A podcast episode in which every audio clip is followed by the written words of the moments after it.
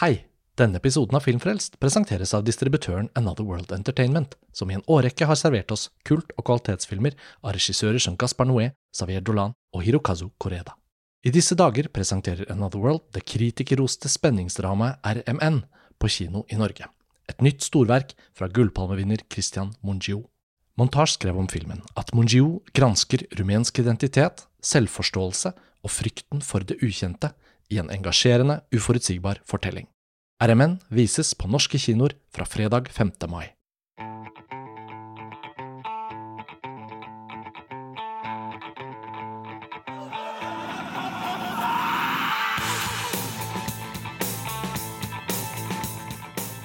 Hei og velkommen til en ny episode av Filmfrelst, podkasten fra filmtidsskriftet Montasj. Mitt navn er Karsten Meinick, og vi er på plass i Cannes. Jeg sitter her sammen med Lars Ole Kristiansen. Hei, Karsten. Hei, Lars Ole. Og Pernille Middleton. Hallo. Hei, Pernille. Hei, hei. Bonsoir. Dette er jo den første episoden fra årets Kampfestival, og det er jo litt høytidsstemning, føler jeg. Vi er på plass, vi har vært her noen dager nå og sett ganske mye film allerede. eh, og tenkte da at årets på en måte kapitler av Filmfrelst fra Cannes skal innta litt den formen vi eh, ja, ga en slags comeback under Berlinalen, hvor vi på en måte blar oss gjennom en del ulike titler, mer enn å bare fokusere på én film. Og nå har vi jo veldig mye forskjellig å snakke om. Uh, vi har laget en bitte liten liste her på et lite ark, og vi har litt rosé i glasset. og Mørket har senket seg over Cannes akkurat på denne festivaldagen, så det er innmari fint å være samlet. Eh, jeg vet ikke helt hvor det føles naturlig å begynne, men Lars Ole, du var den første til å liksom ankomme Cannes av oss tre. Så siden du liksom har vært her flest dager til nå, kanskje du har lyst til å starte? altså hvor plasserte du forventningene til årets utgave av festivalen? Hvordan liksom var den følelsen av å komme ned dit igjen? Eh, I fjor så kom jo du litt senere enn meg, f.eks., så i år ble det litt snudd. Det stemmer. Og jeg har egentlig hatt litt moderate forventninger til årets festival. Simpelthen fordi jeg synes at særlig hovedkonkurransen har eh, sett ut til å være av en variant der mange etablerte filmskapere ikke lager sin beste film. Det er liksom på papiret følelsen du hadde før du kom der? Ja, Ja. og det er jo selvfølgelig bare på en måte vage antagelser, men erfaringsmessig så har jeg jo ofte opplevd da at magefølelsen i det programmet blir sluppet, stemmer ganske godt overens med hva som blir Mm. eh, resultatet av årets festival. Jeg husker jo at eh, jeg var helt i skyene da programmene i henholdsvis 2011 og 2016 og 2019 ble sluppet. Mm. Og det er vel også de aller beste årgangene jeg kan huske eh, i løpet av våre år i Cannes. Og jeg hadde samme magefølelse i fjor, og det ble i alle fall, eh, etter min smak, den svakeste festivalårgangen som jeg har opplevd eh, her nede. Men eh, jeg må jo da bare varsle at jeg allerede begynner å kjenne at eh, vinden blåser i en annen og bedre retning. Fordi det har vært veldig mange positive overraskelser. Både oppdagelser i sideprogrammer, Mm. som jo egentlig er det aller gjeveste man kan oppleve i Cannes. Og vi fikk jo en enorm i fjor, nemlig 'Aftersun' av Charlotte Wells. Og så er, viser det seg da at eh, en del av de etablerte regissørene i hovedkonkurransen tross alt har laget enten sin beste film eller sin beste film på veldig lenge. Og så er det selvfølgelig litt opp og ned, men det skal vi til, komme tilbake Ja. til i senere, eh, senere episoder. Vi satte oss jo nå ned med noen store smil og sa rett før vi skrudde på her at liksom Nå er det faktisk Nå kan vi slå fast allerede nå at dette ble en bedre årgang enn vi fryktet. da Og det gjenstår jo mange festivaldager. Men eh, eh, Pernille, den, den følelsen av å komme hit og bare komme i gang med å se film og sånn, altså, syns du også det svarte litt til Eller jeg vet ikke hva slags forventninger egentlig du hadde, da, men hvordan syns du det har vært? Jeg gleder meg alltid så sykt mye til å reise hit, så jeg Mm. prøver å ha en sånn enten naturlig eller eh, f eh, framprovosert optimisme Ja. med å reise hit, bare fordi jeg syns det liksom er gøy og gjevt og alt det der. Ja. Uh, men jeg husker jo vår samtale i forkant når programmet ble sluppet, at Ja. det var sånn Ja. «Meh, Terningkast to, dette står ikke, dette blir noe drit. Liksom, dere var sånn utrolig negative. det, det høres jo veldig fælt ut, da, særlig for Ja, men det det, var jo litt sånn, det var ting som manglet, Ja, og det, var, det var ganske mange filmer vi hadde håpet på å se her, fordi de er, burde list- vært mer eller mindre klare, da. Og spekulasjonslisten inkluderer jo som regel 50-60 titler hvor man tenker disse autørene her har kanskje noe på gang, og så hører man ryktebørsen, og så er det litt sånn Det kan sannsynligvis bli sånn. Man hører fra den norske bransjen at det er et par titler som virkelig er liksom oppe til vurdering, og så spennende. Så det var mye av det som ikke kicket inn sånn som vi forventet, tror jeg. Og mange av de amerikanske førpremierene som glimret med sitt fravær. da. Ja. Altså, For de skal ikke til Venezia. Uh, filmer som uh, Barbie av Greta Gerwig, Oppenheimer til Christopher Nolan, eh, den nye Mission Impossible-filmen. Det blir liksom bare Indiana Jones and the Dial of Destiny. Ja. Vil du, gjøre deg, jo- deg unna med den med en gang, eller? For den har jo du sett. Hva er den korte setningen? Nei, altså, jeg ble litt fascinert over hvor mislykka den filmen er. Jeg hadde relativt solide forventninger til den. Jeg var i alle fall positivt innstilt. Eh, altså, James Mangold er ingen notør, men han er en god håndverker. Litt sånn som Ron Howard. Og han kan glimte til. Logan, eksempel. Kjempebra. Mm. Ford versus Ferrari var også veldig solid, Ja, syns jeg. da. En skikkelig sånn solid underholdningsfilm. Så jeg tenkte jo at når han skulle overta roret, så var ikke det et så dumt valg. Og jeg har vært glad uh, for at Spielberg ikke skal bruke opp sin kost, mer og mer kostbare tid på en, enda en Indiana Jones-oppfølger. Og man minnes jo at eh, Indiana Jones og krystallhodeskallenes rike ikke var eh, en fest av en Altså, det var, det, det var ikke opp, opptursstemning rundt den. Jeg er nok blant de som syns den er litt bedre enn den gjennomsnittlige eh, publikummer. Bare fordi at det er noen Spielberg-sekvenser der som, som er eh, bra. eh, men så syns jeg jo naturligvis at det var svært uheldig å gli helt over i en sånn science fiction-aktig At det fiksjonsuniverset fikk noen sånne rene fantasy-elementer, syns jeg var uheldig. Fordi Mm. de føltes ikke historisk forankrede, da. Nei. Eh, og de bare dro det altfor langt. Og det spår jeg jo at Spielberg angrer litt på. Det virker ikke som det er en film han er spesielt stolt over. eh. Jeg tok et gjensyn, faktisk, med Krystallhodeskallens uh, rike Du gjorde det? nå i Spielberg-sesongen. Litt sånn før kan Hvem vet, kanskje jeg får sett Isle of Destiny. Det er dumt å bare ha sett den forrige én gang, som var den gangen jeg så den på kino. Og det ble, ble ikke noe dårligere film, men det var også veldig sånn For vi har hatt mange runder nå om Spielberg, eh, i Ja. våre, både på og ikke på mikrofonene gjennom eh, de Det siste er nok mange, mange lyttere som slår Ja. av. Men dere, i ET, hvor bra er ikke Ja, det? ja, la oss ta den.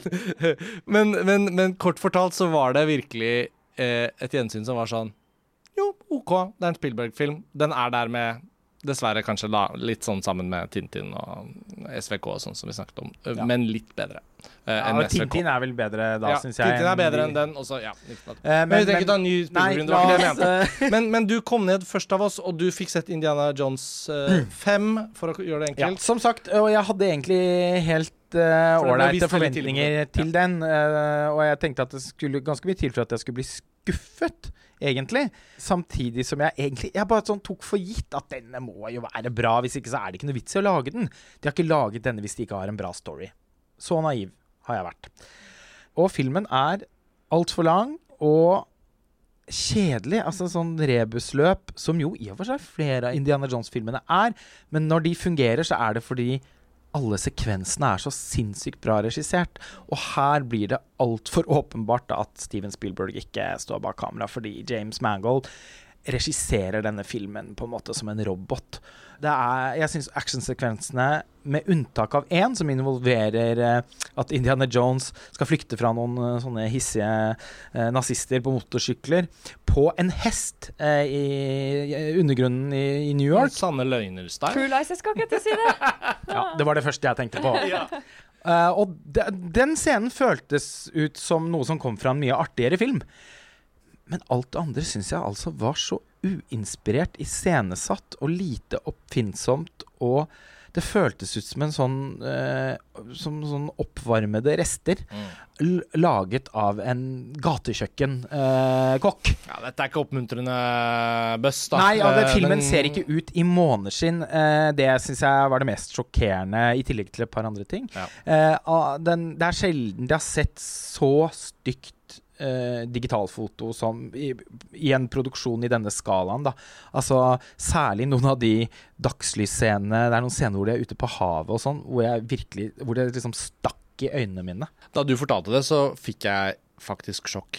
Eh, fordi bøssen er én ting, men at, da du fortalte at fotografen best kjent for sine arbeider på Alexander Paynes Sideways og Nebraska er hyret inn til å gjøre Indiana Jones The Dial of Death. Ja, men det ble, jo, ble ikke han Oscar-nominert for den uh, Ford vs. Ferrari? jo da, han gjorde jo Ford vs. Ja, Ferrari. men han er en veldig eh, overvurdert fotograf. Han har jobbet med Mangold, men Fidon Papa ja. Michael heter han. Han er veldig overvurdert. Han er lang, veldig langt nede på listen min over uh, Hollywood, aktive Hollywood-fotografer. Og det er, simpel, altså det er bare sånn Det er slett arbeid. Ja. Og uh, dårlig grading. Jeg skjønner ikke hvordan det er mulig med tanke på budsjettet som denne filmen sannsynligvis har. Men ok, det er et par andre ting også som jeg hvor jeg tenkte sånn Jeg kan ikke tro mine egne øyne.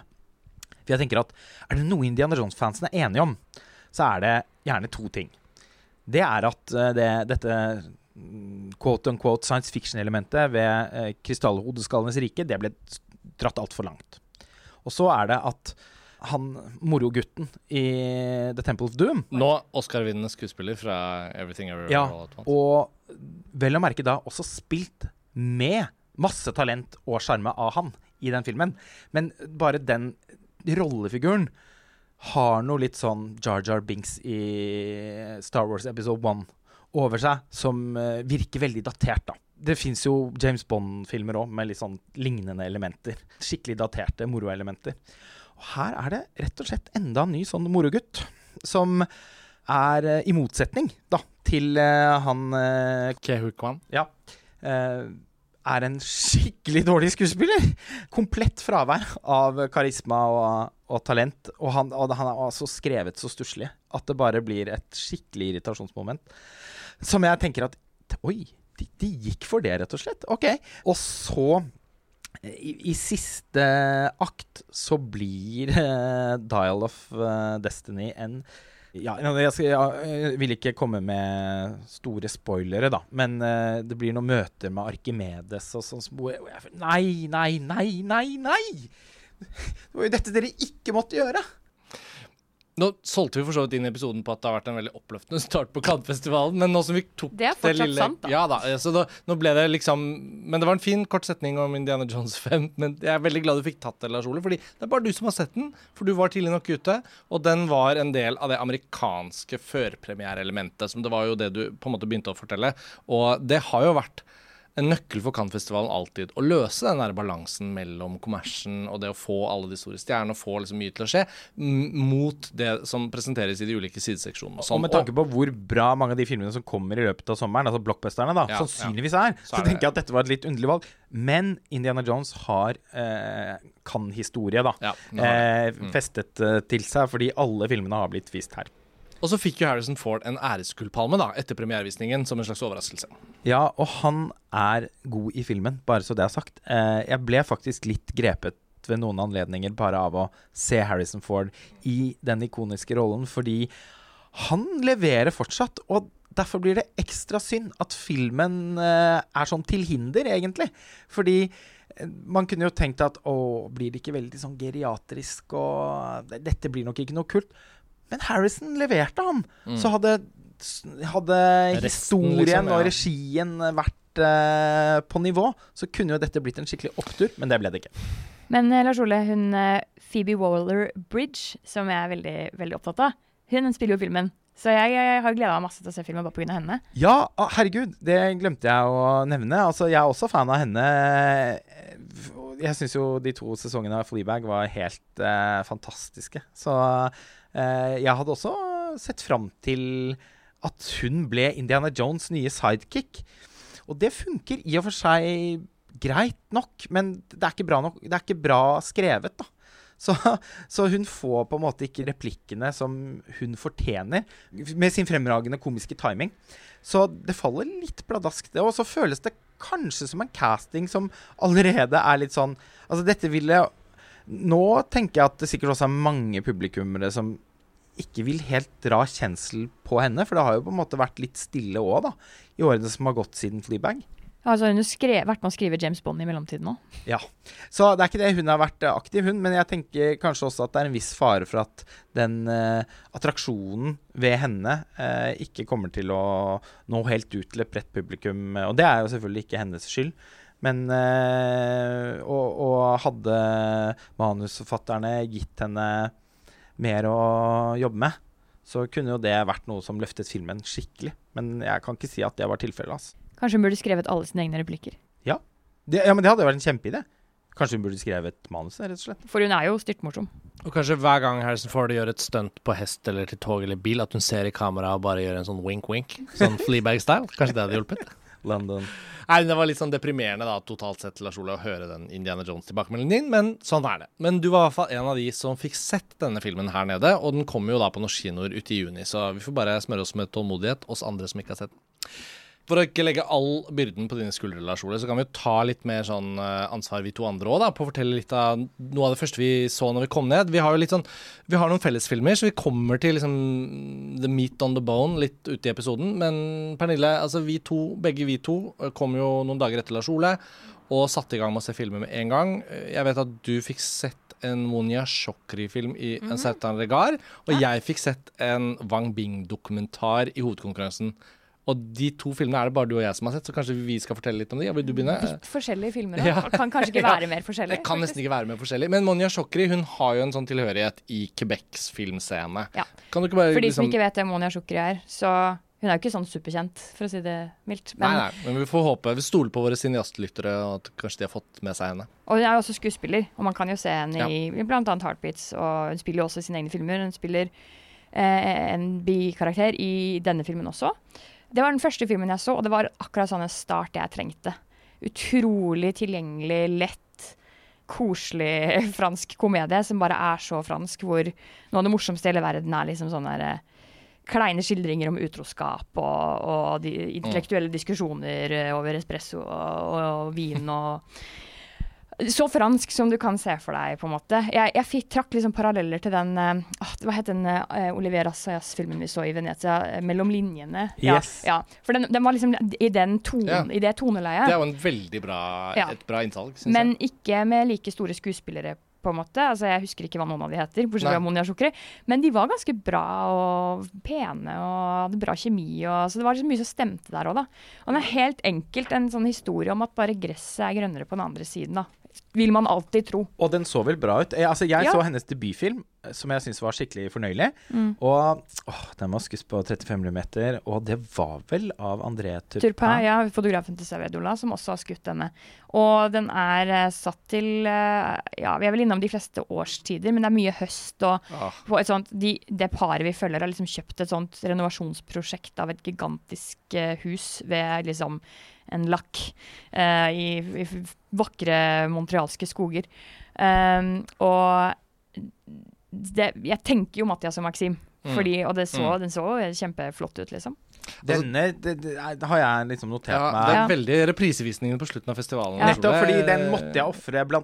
pga. Indiana Johnson. Ja. Ja. ja, det viser seg, det valget var kanskje ikke så ja, Hele den Quebec-estetikken da, som Ja. vi kjenner særlig fra Xavier Dolan, det er jo så fint at hun går fra skuespiller over i regi og liksom bygger litt videre på den arven. da. Og hun har det, hun. Altså, Ja. jeg, kan, jeg kan bare si den, altså, jeg har ikke sett noen av de andre filmene hennes hvor hun har regi, men bare med den her tenker jeg sånn, ja.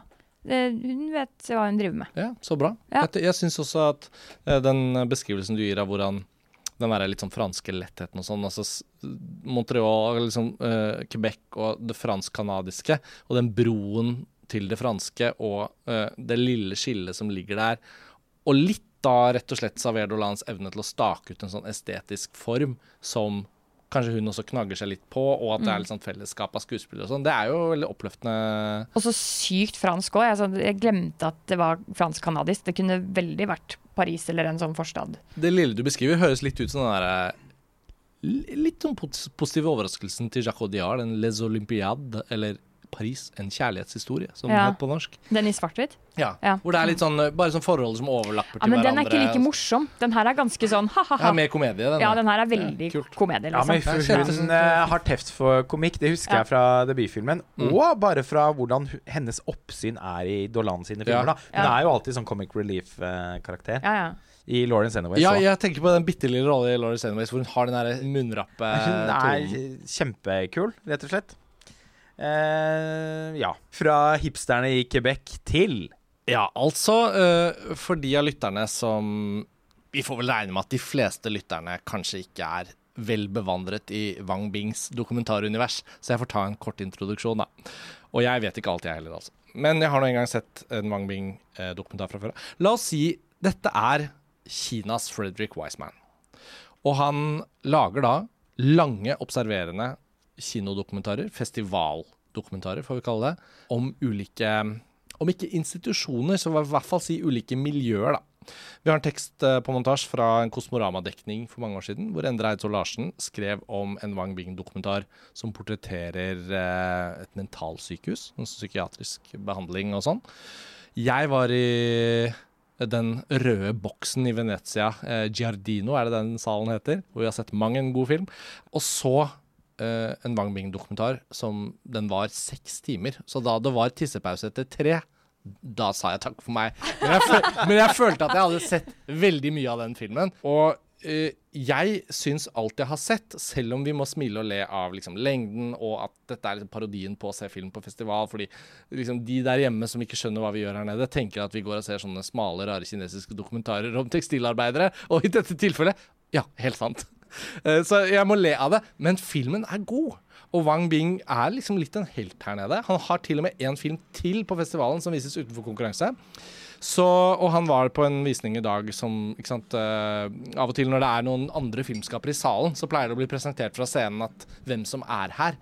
Og i dag så eh, var det sånn oh, en liksom på fransk da, liksom, og til stede Wang Bing! Og så reiser han seg og vinker til alle. Så, så, så kjent er han her nede. Denne nye filmen hans er inkludert i hovedkonkurransen. Og Lars Ole, det er jo litt revolusjonært eh, nesten i år. Fordi Thierry Fremont og gjengen har programmert inn to kinodokumentarer i hovedkonkurransen, og det skjer ikke ofte. Nei, ja, og de har jo fått mye kritikk for det, da. At, At ikke gjør dokumentar. Ja. på en måte blir sett ned på. Ja. Fahrenheit Eh, 9-11 vant jo Gullpalmen i sin tid, da Ja, og, og- egentlig Og det, er jo, ja, så- og det er jo også utrolig sjokkerende at uh, Tarantino eh, valgte Fahrenheit, eller i, eh, sa seg villig til å velge den Ja. istedenfor Oldboy, som sikkert var en film som delte juryen litt i to. Mm. Ja, han Eh, kompromisset nok litt sånn i tiden, og i ettertiden så ser jo ikke det så bra ut. Og det har han sikkert Det har han nok angret eh, Ja. bittert på, men Men at det Eh, er to dokumentarer i år, det er eh, Jeg syns Ja, det er et bra det valg. seg eh, Altså, det, det er jo på en måte en trend, da, i og med at eh, de to forrige Altså, de forrige, eh, Gullbjørn og Gulløvevinnerne, Mm. begge er dokumentarer. Så det er en trend. Ja, Nicolas Filibert vant for On the Adamant i Berlin. Og så for da snart et år siden så vant jo eh, Laura Poitras for eh, All the Beauty and the Bloodshed i Venezia. Så, eh, Så da blir det Ja. Wang Bing da, som tar gullpalmen i Ja, kamp. og jeg kan jo bare kort fortelle, da, for de av lytterne som noterer, at denne filmen, som heter Youth på engelsk, da, eller Jeunesse på fransk, den handler om tekstilarbeidere, eh, og det betyr ikke nødvendigvis eh, at den handler om ungdom, men det er nå engang sånn at mange av disse tekstilarbeiderne i filmen er ganske unge. Og i motsetning til den filmen jeg refererte til i stad, som hadde pause da jeg gikk i Venezia, men allerede hadde vart i tre timer, så er denne filmen bare tre og en halv time lang, og ble vist uten pause. Og jeg så den i sin helhet, og det var den første filmen jeg så da jeg kom ned, eh, og det var den eneste filmen jeg rakk å se da på den første dagen. Hele poenget med at filmen til slutt blir god, er at den er såpass lang. Og Jeg skal ikke gå i detalj på hva denne filmen egentlig gjør. Og, og, og, Det er ikke noen hovedperson, og det er ikke noen handling.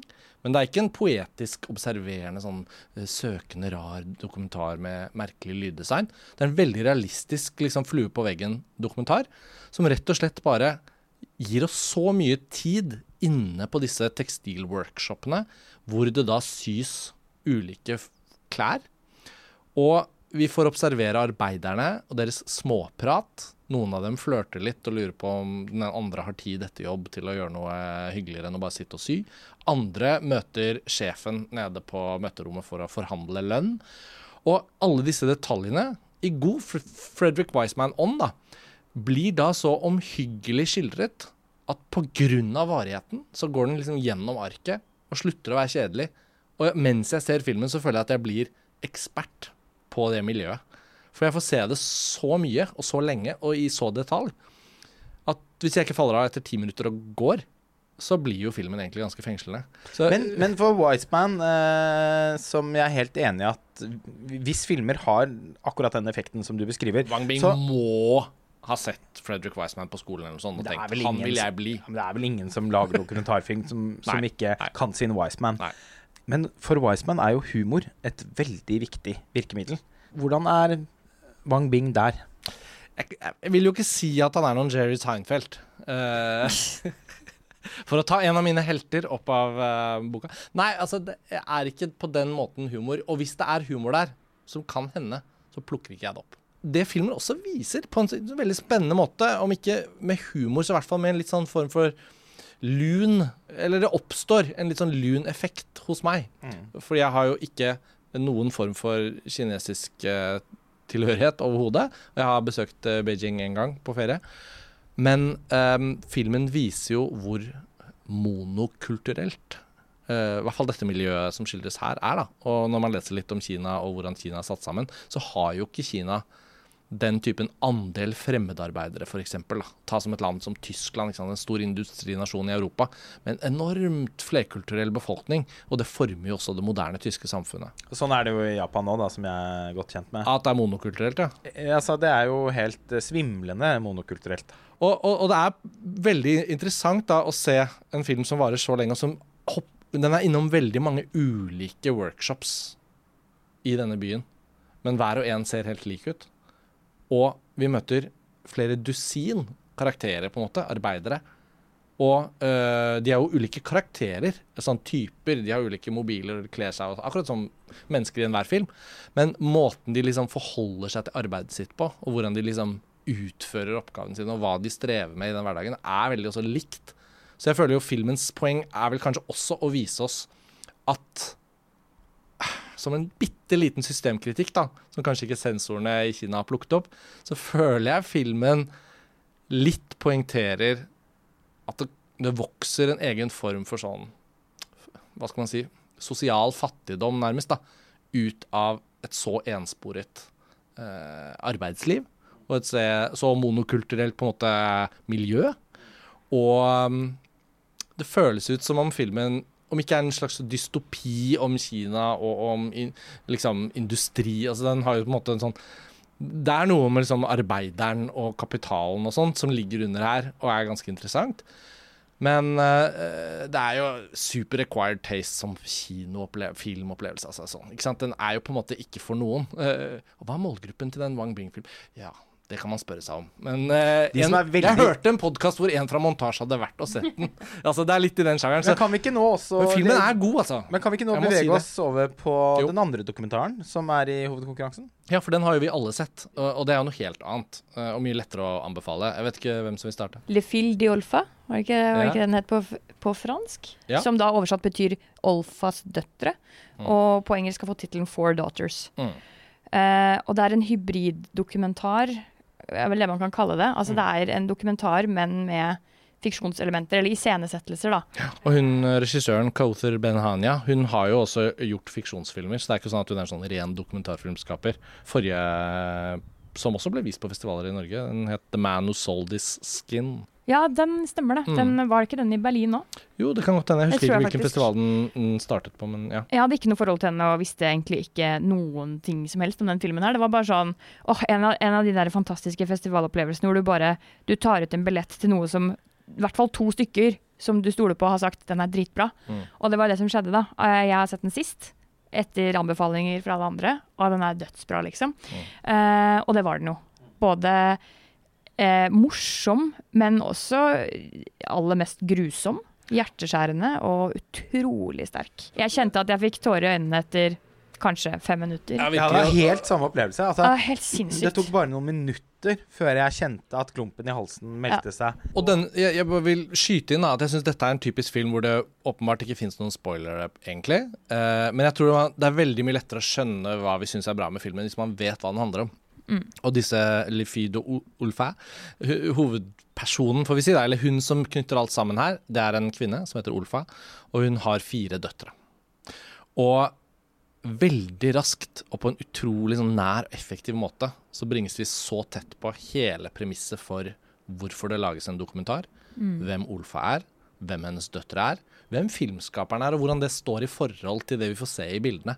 Så den hadde en sånn beundringsverdig sterk åpning som skjærer bare rett til kjernen. Og den kjernen er kort fortalt at uh, Olfa har fire døtre. De er født mellom 1998 og 2008, kanskje, eller noe sånt, omtrent. Ja. Og to av dem har hun mistet i uh, på en måte overført betydning. De er tapt.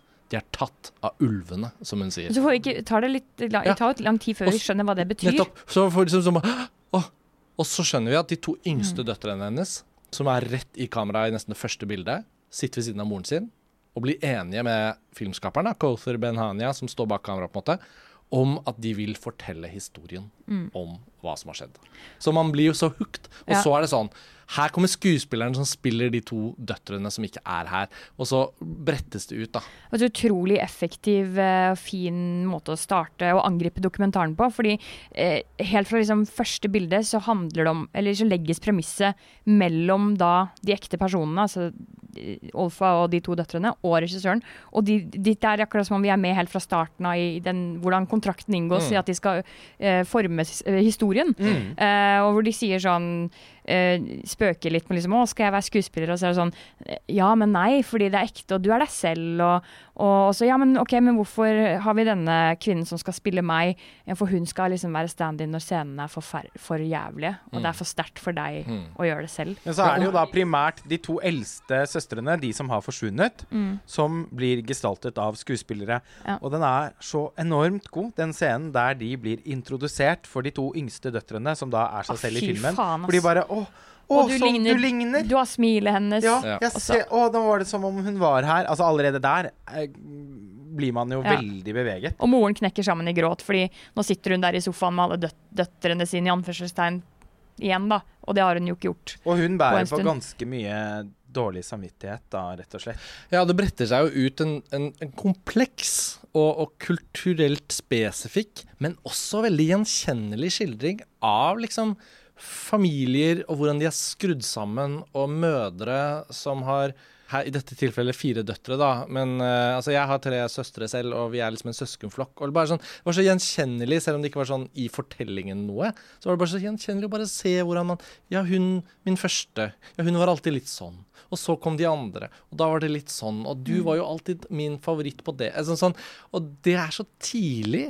Det er så utrolig fint å se en film hvor man føler seg nesten sånn familiær med hele miljøet og skildringen og regissøren og hele premisset på så få minutter. Ja, for, det er jo ikke en sånn lett film å lage heller. Nei, vi, vi er jo bare i Det er ikke sånn at den beveger seg noe sted eller er så veldig visuell. Og vi er jo bare i et, et par rom i løpet av hele filmen. Mm. I, et, eh, I en sofa der og i et soverom der og liksom Mm. eh, gå gjennom et par episoder. Men aller mest er det jo egentlig bare masse talking heads, eller at de bare prater til kamera og med hverandre. Mm. Og spesielt de scenene hvor de sitter og snakker med hverandre i sofaen eller ligger på en seng i sånn Mustang-stil, brettet Mm. Ja, utover. vanskelig ikke tenke på.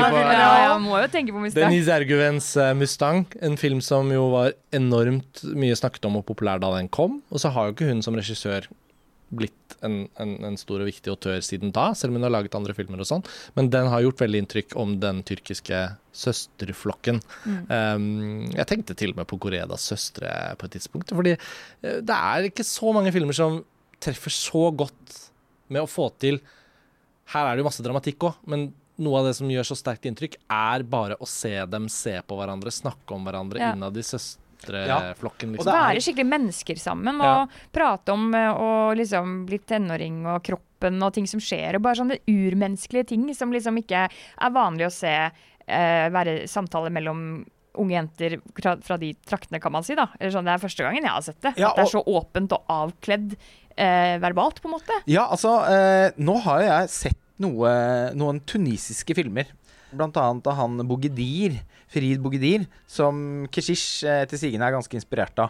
Og eh, de har jo eh, overrasket meg på den måten at de har hatt en litt sånn bramfrihet som man ikke forbinder med filmer fra de regionene, da. Altså fra Maghreb-landet, liksom. Så, så på en eller annen måte så virker jo Tunisia å være en kultur som er litt i skvis. Og på en måte da mellom Frankrike og en eh, islamsk eh, kultur som hun Olfa, da, moren, representerer i filmen. Selv om vi også får se henne som eh, ikke så, Som et menneske som ikke bare representerer tradisjoner.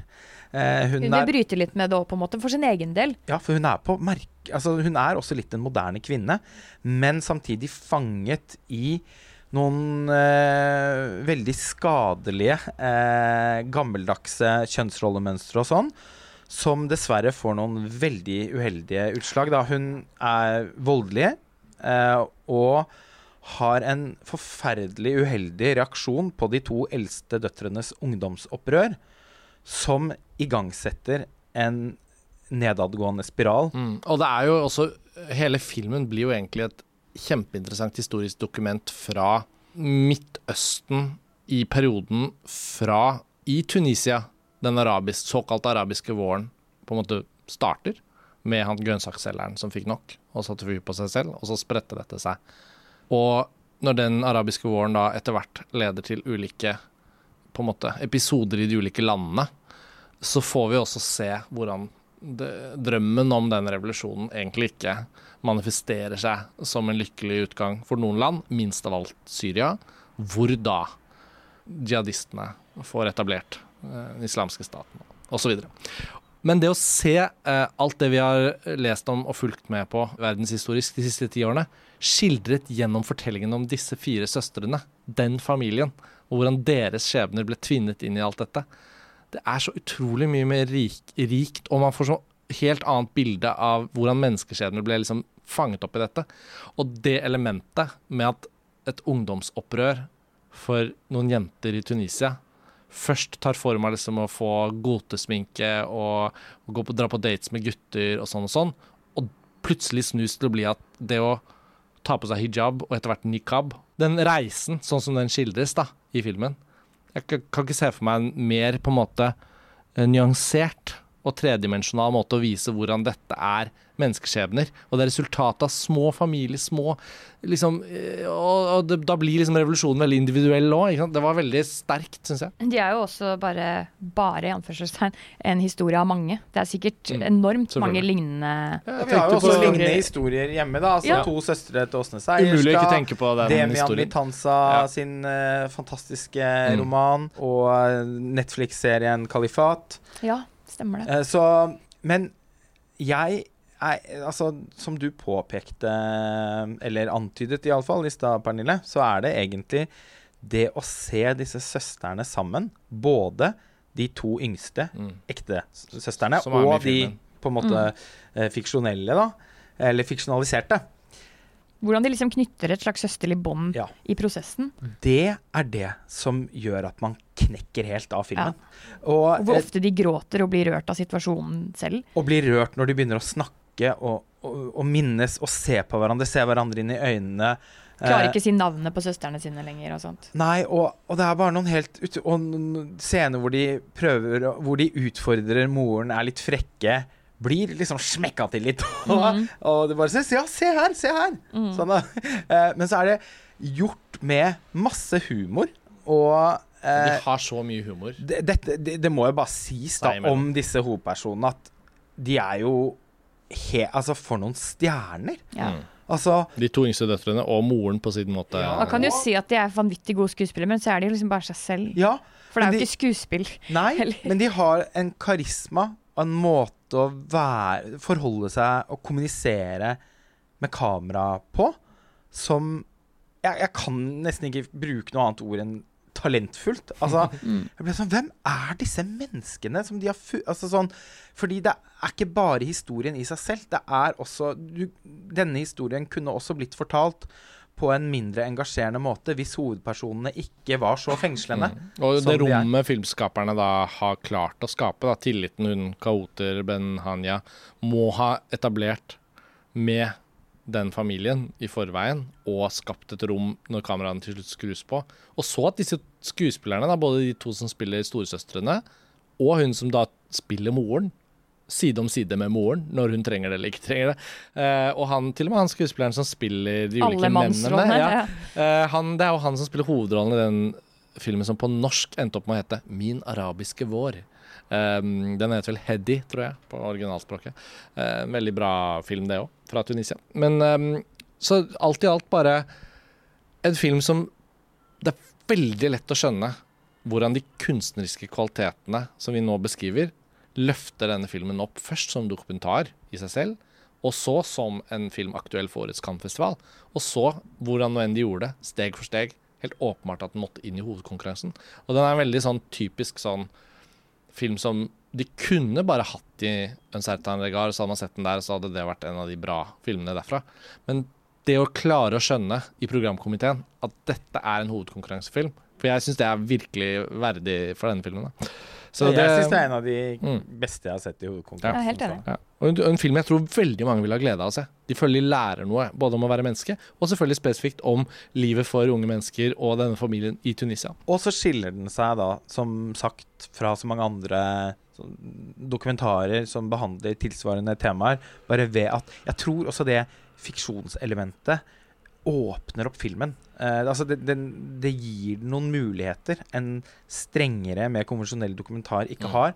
Og så er resultatet av det at vi sitter og snakker om Mustang og søstre til Koreda. Mm. Mm. Eh, Ja, ja, og ja. der, der ligger liksom mirakelet i, i, i denne filmen. Mm. Nei, så Jeg bra. håper og tror den i hvert fall vil få mye distribusjon på festivaler, hvis vi snakker om muligheter for å se den i Norge senere. og sånn. Så, fordi det er jo også veldig mange som brenner for dokumentarfilmen, som har sine egne festivaler. Så hvis vi tanker, vi, Det ofte er snakker, easy at denne kommer til Biff. eh, ja, ikke sant? Ofte så Hint, snakker vi om liksom eh, Vi snakker jo om Biff, og så snakker vi om Tiff, og så er det Kosmorama, ikke sant? Eh, og så Oslo Pix og Film fra sør og sånn i tillegg, selvfølgelig. Og arabiske filmdager. jo, men ikke sant? Og så har du Mirage, og så har du Human Internasjonal. Ja. Altså, dette er jo egentlig en film som strengt tatt burde bare vises på absolutt alle. Og det, ja, altså jeg tror denne kommer til å få veldig mange festivalvisninger i Norge, så det blir ikke Ja. noe problem Nei, å få sett denne. Og jeg spår allerede nå at den blir nominert til Oscar neste år. Det er uh, godt tips, tror jeg. Kanskje Og til og med i to To kategorier. kategorier og muligheter. Ja, hvem vet? Ja. Uh, og ja, men også en, Og leading actress. en, typisk, en typisk vinner i den kategorien, fordi den er så mye mer uh, sånn uh, emosjonelt eh, På en måte også litt sånn Sånn tilfredsstillende. Ja, altså, fordi den er, den er ikke det. bare opprivende. Ikke sant? Det, det er så mange gode øyeblikk i filmen som gjør at man også blir eh, rørt av det. da Så det, jeg tenker at den kommer til å gjøre det stort. Jeg tror du kommer til å få eh, rett i det. Og i tillegg til alt vi har snakket om, så er den jo også liksom a piece of entertainment. Ikke sant? Du ser for deg sånn det verst tenkelige akademimedlemmet som vi gruer oss til å tenke på at sitter og stemmer, skrur på denne filmen på en eller annen tittekopi eller whatever. Og i løpet av to minutter så er man jo helt bare sånn «Åh, Den må man se. For du blir jo oppriktig veldig nysgjerrig. Hva er det som har skjedd? Kjempenysgjerrig. Ja, og det mysteriet varer jo gjennom hele filmen. Så det er Ja, veldig det. bra spenning der òg. OK, det var uh, filmen som da, på engelsk i hvert fall, kommer til å bli omtalt som Four Daughters. Nå fikk vi jo egentlig snakket om ganske mye, da, dere.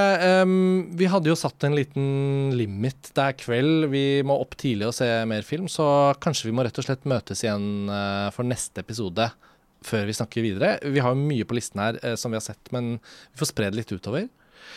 Til dere der ute som hører på Filmfrelst, så må vi jo bare takke for at dere gjør det. Og vi håper dere deler disse episodene fra Cannes rundt omkring. Vi skal prøve å unngå spoilere og gi dere et best mulig bilde av hva dere kan forvente da herfra, fra festivalslippet i Cannes i 2023. Vi er i hvert fall i gang nå. Lars Ole og Pernille, tusen takk for praten. Vi høres igjen veldig snart. Takk for nå, og ha det bra. Ha det.